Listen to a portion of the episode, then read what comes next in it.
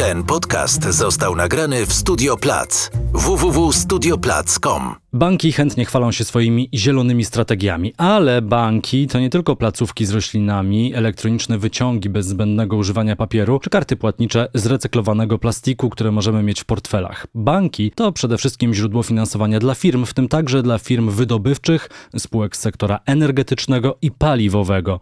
Fundacja Rozwój Tak Odkrywki Nie przyjrzała się strategiom instytucji finansowych i nie wyglądają one wcale tak zielono, jak widzimy to w reklamach czy na stronach internetowych. I o tym dziś będziemy rozmawiać. Obserwujcie stronę facebook.com kośnik zielony podcast i mój profil na Instagramie. Polecam tam w relacji zapowiedź kolejnych rozmów i okazja do zadania pytań kolejnemu gościowi albo gościni. To zaczynamy. Krzysiek Grzyman, zapraszam.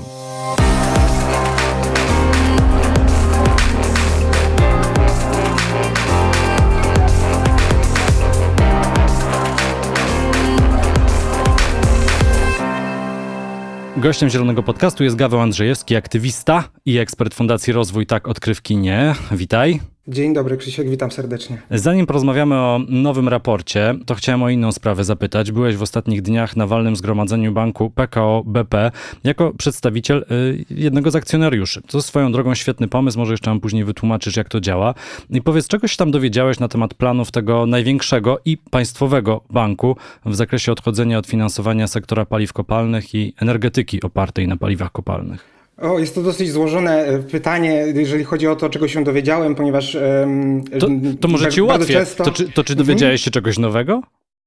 Czy dowiedziałem się czegoś nowego? Na tą chwilę obecnie nie. Mhm, wynika, to z tego, wynika to z tego, że bank sobie bardzo często, e, banki podczas takich walnych zgromadzeń rezerwują sobie możliwość odpowiedzenia w jakimś ustalonym terminie zapisanym w kodeksie spółek handlowych do tego, żeby ustosunkować się do tych pytań.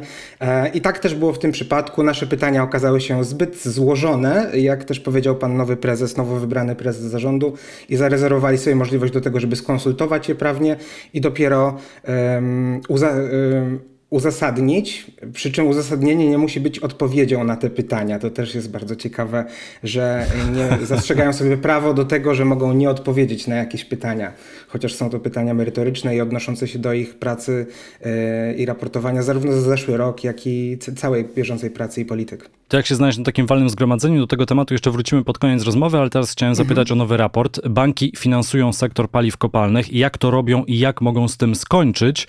E, raport przygotowany przez Fundację Rozwój Tak, odkrywki e, nie. E, I, I, po przeczytaniu tej analizy, no, wniosek jest dość prosty. Banki bardzo chętnie w swojej komunikacji, w reklamach, na stronach internetowych podkreślają, jak to one się zazieleniły, jak to się zmieniły, że w tych placówkach, biurach na przykład energia pochodzi ze źródeł odnawialnych albo że karta jest zrobiona z recyklowanego e, plastiku. No dużo tych zielonych informacji, ale to jest jednak poniekąd greenwashing instytucji finansowych, bo to, czym się tak naprawdę zajmują wielkie instytucje, to jest finansowanie małych, dużych, no i tych wielkich y, firm, wielkich projektów, w tym projektów energetycznych i to się cały czas dzieje. Zdecydowanie jest tak, jak mówisz. E, podczas kiedy właśnie większość banków bardzo chętnie e, opowiada o tym, jak, jaki, jaki mają progres, jakie są ich postępy w redukowaniu e, zużywanej przez siebie energii, energii, którą one, ich, ich działalność bezpośrednia generuje i jak ograniczają emisje, czy jakich dokonują zmian w postaci na przykład infrastruktury i zmiany budynków na bardziej zielone, to, to jest to greenwashing, ponieważ stanowi to zaledwie ułamek takiego realnego wpływu, jakie wywierają ich działania pośrednie na klimat, a przez działania pośrednie rozumiem tutaj oczywiście inwestowanie i wspieranie e, firm, firm które się zajmują e, przemysłem wydobycia paliw kopalnych, wydobycia, transportu ich, e, eksplorowania złóż oraz spalania. Bo sprawa wygląda tak, wchodząc bardziej w szczegóły, że moglibyśmy sobie to wszystko podzielić na takich kilka sekcji, bo z jednej strony mamy wydobywanie węgla. Wiemy, że Polska ma plany odejścia od wydobycia węgla, ale są one bardzo odległe, liczone cały czas w dekadach, tuż przed 2050 2050 rokiem ma się to skończyć, a według obecnego ministra aktywów państwowych, choć później ministerstwo to dementowało, to może i dłużej na tym węglu y, w cudzysłowie pojedziemy. Więc mamy to wydobycie, mhm. później mamy energetykę węglową, no a później mamy jeszcze dwa wielkie obszary, y, czyli gaz y, i ropę. Zresztą przy okazji wojny, którą rozpoczęła Rosja w Ukrainie, dużo zaczęliśmy o tym mówić i wydaje mi się, że słuchacze też są bardziej świadomi tych wszystkich problemów i jak się to dzieli, że mamy ten węgiel, mamy ten gaz, mamy tę ropę, to już gdzieś nam tam utkwiło mm, w głowach na stałe, też przy okazji sankcji, które wprowadzane są jednak na poziomie europejskim dość opornie. Wiemy, że te sankcje na przykład dotyczące zakończenia importu rosyjskiej y, ropy na razie stoją w miejscu z powodu Węgier. No ale zostawmy ten temat. Mhm. Wracając do raportu, ocenialiście banki, jak one sobie w tych różnych obszarach radzą, co jest zapisane w ich politykach i, i okazuje się, że nawet z tym finansowaniem wydobycia węgla to nie jest wcale takie oczywiste w sektorze finansowym, że wszystkie instytucje już od tego odeszły. Tak, zdecydowanie nie jest to takie oczywiste, że, że, że, wszystkie instytucje e, odeszły. W naszym raporcie uwzględniliśmy siedem największych pod względem ich aktywów e, banków, które operują w Polsce. No i zestawienie jest jasne. Ilość wdrażanych polityk nie zawsze w kontekście konkretnego banku przekłada się też na jakość tych polityk. My bardzo, bardzo staraliśmy się, żeby pokazywać nie tylko ogólnodostępne zapisy polityk każdej z instytucji, ale też oceniać je y, oczywiście subiektywnie ze strony naszej RTON-u, ale ze strony, ale pod kątem właśnie takim, jak te polityki mają faktycznie realne przełożenie na, na redukcję emisji, których, które są niezbędne. I tak jak te, też napisaliśmy o tym w raporcie, że jak powiedział przy okazji premiery raportu IPCC ostatniego sekretarz generalny ONZ Antonio Gutierrez, by mieć szansę utrzymania celu maksymalnego wzrostu y, temperatur globalnie do 1,5 stopnia, musimy potroić tempo transformacji w kierunku energii od, odnawialnej, a bez odważnych i faktycznie realnych polityk, które pozwolą nam odejść od, od sektora paliw kopalnych, nie będziemy w stanie to zrobić i tu jest ta właśnie bardzo duża rola na tych bankach i jeżeli chodzi o wydobycie węgla, polityki naszych banków tych siedmiu, które przeanalizowaliśmy w bardzo wielu przypadkach pozostawiają bardzo dużo do życzenia nadal. To ja może to przedstawię liczbowo, bo analiz analizowaliście 7 banków i w przypadku polityk dotyczących wydobycia węgla i finansowania nowych projektów, no tylko 4 z 7 banków mają zadowalającą, u was to jest taka uśmiechnięta minka, e, politykę, tak. ale w przypadku energetyki węglowej i finansowania tych projektów tylko 2 z 5 banków mają zadowalającą politykę, a w przypadku gazu i ropy żaden z nich. No to jest wciąż zatrważające, szczególnie cały czas mając z tyłu głowy to, jak wygląda komunikacja tych banków do nas klientów. Oczywiście wydobycie węgla pozostawia bardzo dużo do życzenia i, i chociaż to, to powinno być, wydaje się, że w 2022 roku, e, w momencie, w którym jesteśmy e, z, e, z tym, jak zaawansowany jest postępy z Zielonym Ładem i polityki europejskie i zobowiązania, do których muszą w zakresach pierwszym i drugim już raportować banki, to te polityki wydobywcze banków pozostawiają bardzo dużo, dużo do życzenia. Natomiast jeżeli chodzi o samą energetykę węglową, sytuacja nie jest zadowalająca. Jest jest, jest bardzo, dużo, bardzo dużo jeszcze do zrobienia w kontekście samego spalania tego węgla. Tak jak powiedziałeś, e, ludzie zaczynają się interesować coraz mocniej i bardziej rozpoznawać, z czym się wiążą nasze polityki polskie w kontekście e, gazu i ropy.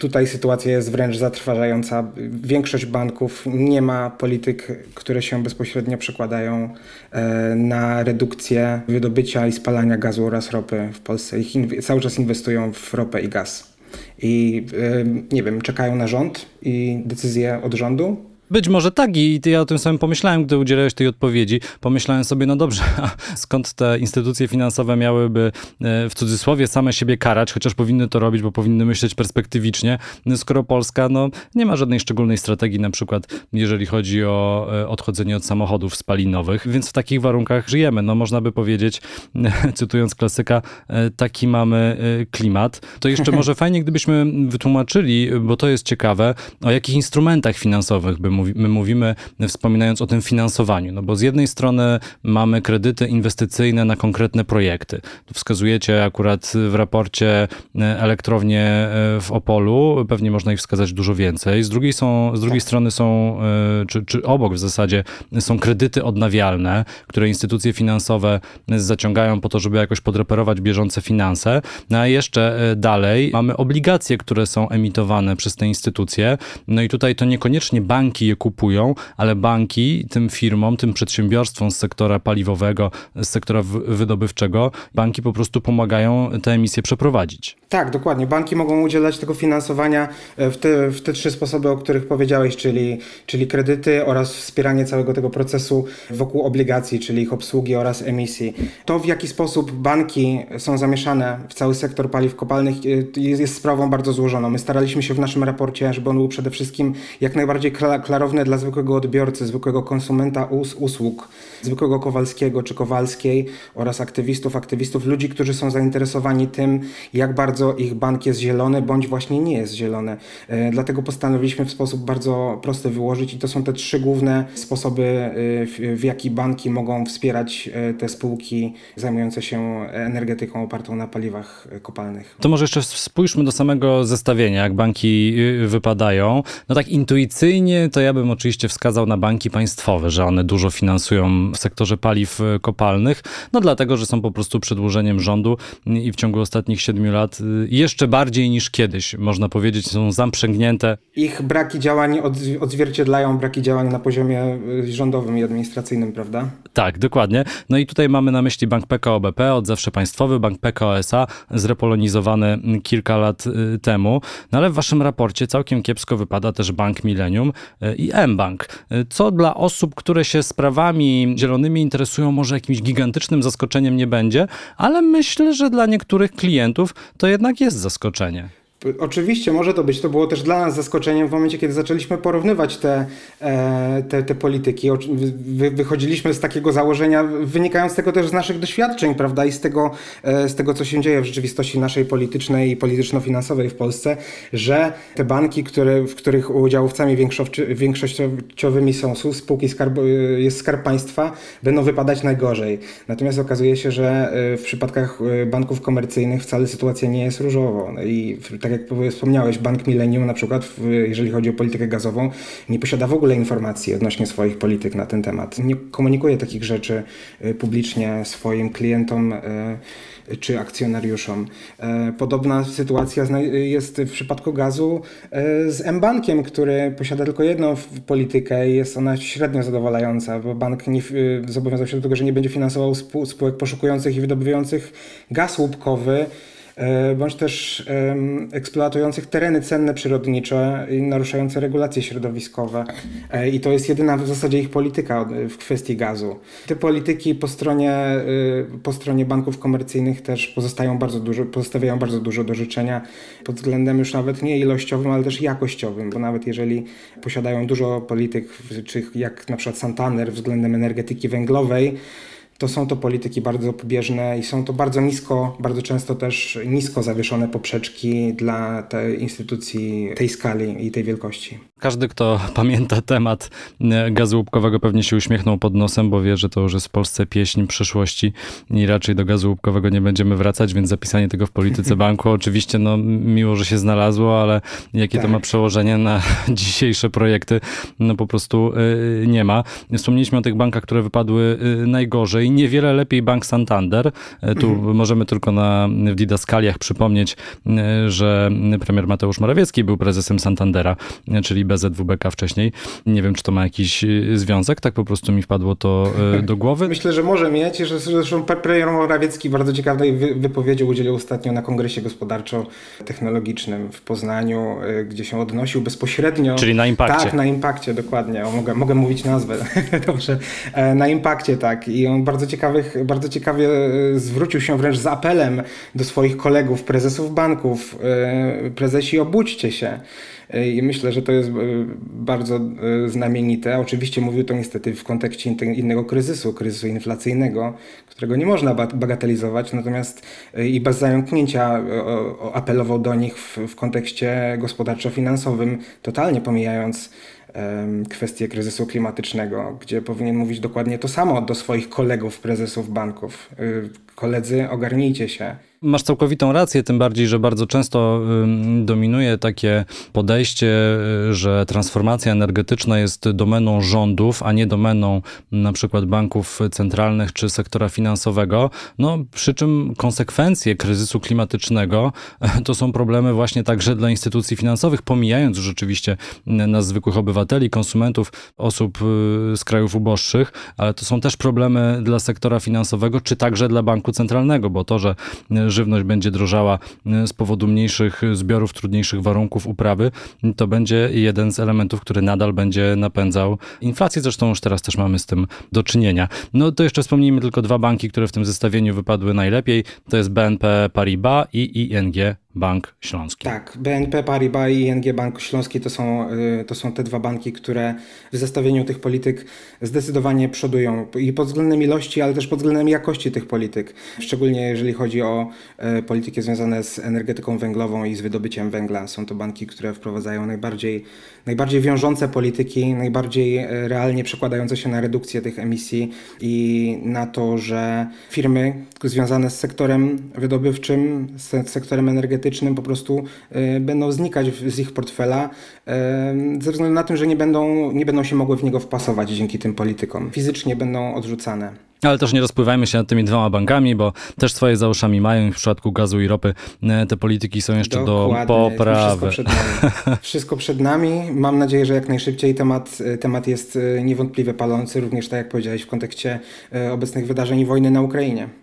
To, czym my się powinniśmy kierować jako klienci, to jest trudna sprawa. Możemy przejrzeć ten raport i wyciągnąć z niego e, wnioski, a mi przyszło do głowy to, że może jednak, tak jak gdy mówimy o energetyce odnawialnej, to, żeby ona była rozproszona, bardziej lokalna, żeby tworzyć spółdzielnie, klastry, może jednak powinniśmy powoli wracać do bankowości spółdzielczej, tej właśnie lokalnej, e, gdzie finansuje się lokalne projekty, e, gdzie bank działa no, na terenie miasta, gminy, powiatu, no, w, w, lokalnej społeczności.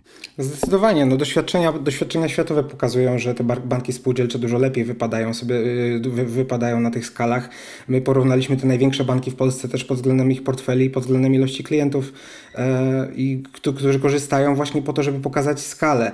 Tutaj w, w, tym, w tym raporcie nie ma nic odkrywczego w sensie takim, że to nie, nie jest nic więcej niż to, że wzięliśmy pod lupę polityki, które są ogólnodostępne tych, tych banków e, i, i zestawiliśmy je ze sobą i uważamy, że efekt masowości jest tutaj potrzebny pod takim względem, że chcemy, żeby e, odbiorcy tego raportu, tak jak mówię, zwykli ludzie, zwykli obywatele i konsumenci usług bankowych mieli świadomość tego, jak wypada ich bank i podejmowali te, te decyzje. Zdecydowanie banki, e, banki spółdzielcze, o których mówisz, e, są jednym z rozwiązań. Też nie będę sugerował innych rozwiązań. Na pewno warto spojrzeć na te banki. Ja, ja z, perspektywy konsumenckiej też mam bardzo dużo do myślenia myślenia pod kątem tego, czy czasem nie zmienić banku, być może właśnie na spółdzielczy. Choć rzeczywiście są sytuacje, na przykład gdy ktoś bierze kredyt hipoteczny, gdy na przykład nie ma dużego wyboru, z którego banku może pożyczyć pieniądze, no stąd też oczekujemy, że oczywiście wszystkie banki mm, w tych działaniach y, na rzecz zmniejszenia emisji będą brały y, udział. Chciałem jeszcze wrócić do tematu twojego udziału w walnym zgromadzeniu banku PKO BP. Mhm. Przedstawiłem cię przecież też jako aktywistę, no i ten rodzaj aktywizmu bardzo mi się podoba. To, że można kupić udział udziały instytucji finansowej, a potem pójść na to walne zgromadzenie, zadać pytanie. No, jak się okazuje, nie zawsze uzyskać odpowiedź od razu, a być może nigdy i nie, tak. nie, nie uzyskać. No, ale to jednak się gdzieś tam powoli będzie przebijało i to będzie dawało do myślenia prezesom, członkom zarządów y, instytucji finansowych, że ludzie się im patrzą na ręce. Zdecydowanie jest tak, jak, jest tak jak mówisz. Shareholder activism, czyli tak jak to jest nazywane na świecie, a właściwie nawet klimatyczny aktywizm, akcjonariuszy mniejszościowych e, bardziej jest rzeczą stosunkowo nową w Polsce. Oczywiście jest już e, kilka organizacji i, i sporo aktywistów, które brało udział w, taki, w tego rodzaju aktywizmie i zainteresowanie jest coraz większe. Natomiast jest to stosunkowo, now, e, stosunkowo nowe u nas w Polsce, nowa metoda działania. Efekty są różne. Natomiast e, i, i, myślę, że warto podkreślić, że taki aktywizm akcjonariuszy w, w związku z klimatem czy prawami człowieka na świecie wygląda zupełnie inaczej niż w Polsce. Natomiast już widzimy efekty, już też słyszymy od osób uczestniczących e, w takich walnych zgromadzeniach jako akcjonariusze mniejszościowi, że banki się zmieniają. I to szczególnie też można za, zaobserwować właśnie w, w bankach komercyjnych, które kiedy słyszą pytania od aktywistów, zadających je w przestrzeni, która jest zadedykowana na tych y, walnych do pytań, y, zaczynają słyszeć te odpowiedzi bezpośrednio na samym walnym y, zgromadzeniu, na spotkaniu. Więc myślę, że warto wrzucać te ziarenka piasku w tą maszynę, bo spółki zaczynają reagować i zaczynają być coraz bardziej ostrożne w tym, jak prowadzą te walne. No, tym bardziej, że wiadomo, sektor finansowy to jest trochę taki klub ludzi klepiących się po plecach i po tak, prostu spotykają dokładnie. się w swoim gronie cały czas. Tak, jest, jest to ewidentnie w Polsce do tej pory, w sensie do ostatnich kilku lat, to te walne zgromadzenia akcjonariuszy w bankach to była głównie maszynka do głosowania. Niewiele się na nich działo i niewiele się dzieje poza zatwierdzaniem wcześniej opublikowanych dokumentów i udzielania absolutorium zarządom. I taki, taka forma aktywizmu, która jest też unormowana kodeksem. Każdy akcjonariusz ma prawo do zadawania pytań i ta przestrzeń musi być udostępniona. Więc w momencie, kiedy nagle pre prezesi i całe zarządy i rady nadzorcze spotykają się z takimi pytaniami, są one nagrywane, są one gdzieś dokumentowane, e, zaczynają być dużo bardziej uważni. My zauważamy też, że to są bardzo napięte spotkania. Im bardzo zależy na tym, tak jak mówisz, żeby wszystko odfajkować, przyklepać, poklepać się po plecach i pracować dalej w tak zwanym trybie business as usual. E, więc w momencie, kiedy się znajdują te, e, te pytania w tym koszyku walnych zgromadzeń, e, zaczynają być też dużo bardziej zaniepokojeni, bo jednak czują oddech na karku i że ktoś patrzy im na ręce. Raport Banki finansują sektor paliw kopalnych. Jak to robią, jak mogą z tym skończyć, jest dostępny na stronie Fundacji Rozwój Tak Odkrywki Nie. Bardzo polecam, a gościem Zielonego Podcastu był Gaweł Andrzejewski, aktywista i ekspert wspomnianej fundacji. Bardzo Ci dziękuję za rozmowę. Bardzo Ci dziękuję, Krzysztof. Dziękuję. To był Zielony Podcast, kolejny odcinek w niedzielę. W wolnym czasie zajrzyjcie na facebook.com kośnik Zielony Podcast i mój profil na Instagramie. Polecam, tam w relacji zapowiedź kolejnych rozmów i okazja do zadania pytań kolejnemu gościowi albo gościni. Krzysiek Grzyman, do usłyszenia. Też chcesz nagrywać podcasty? www.studioplac.com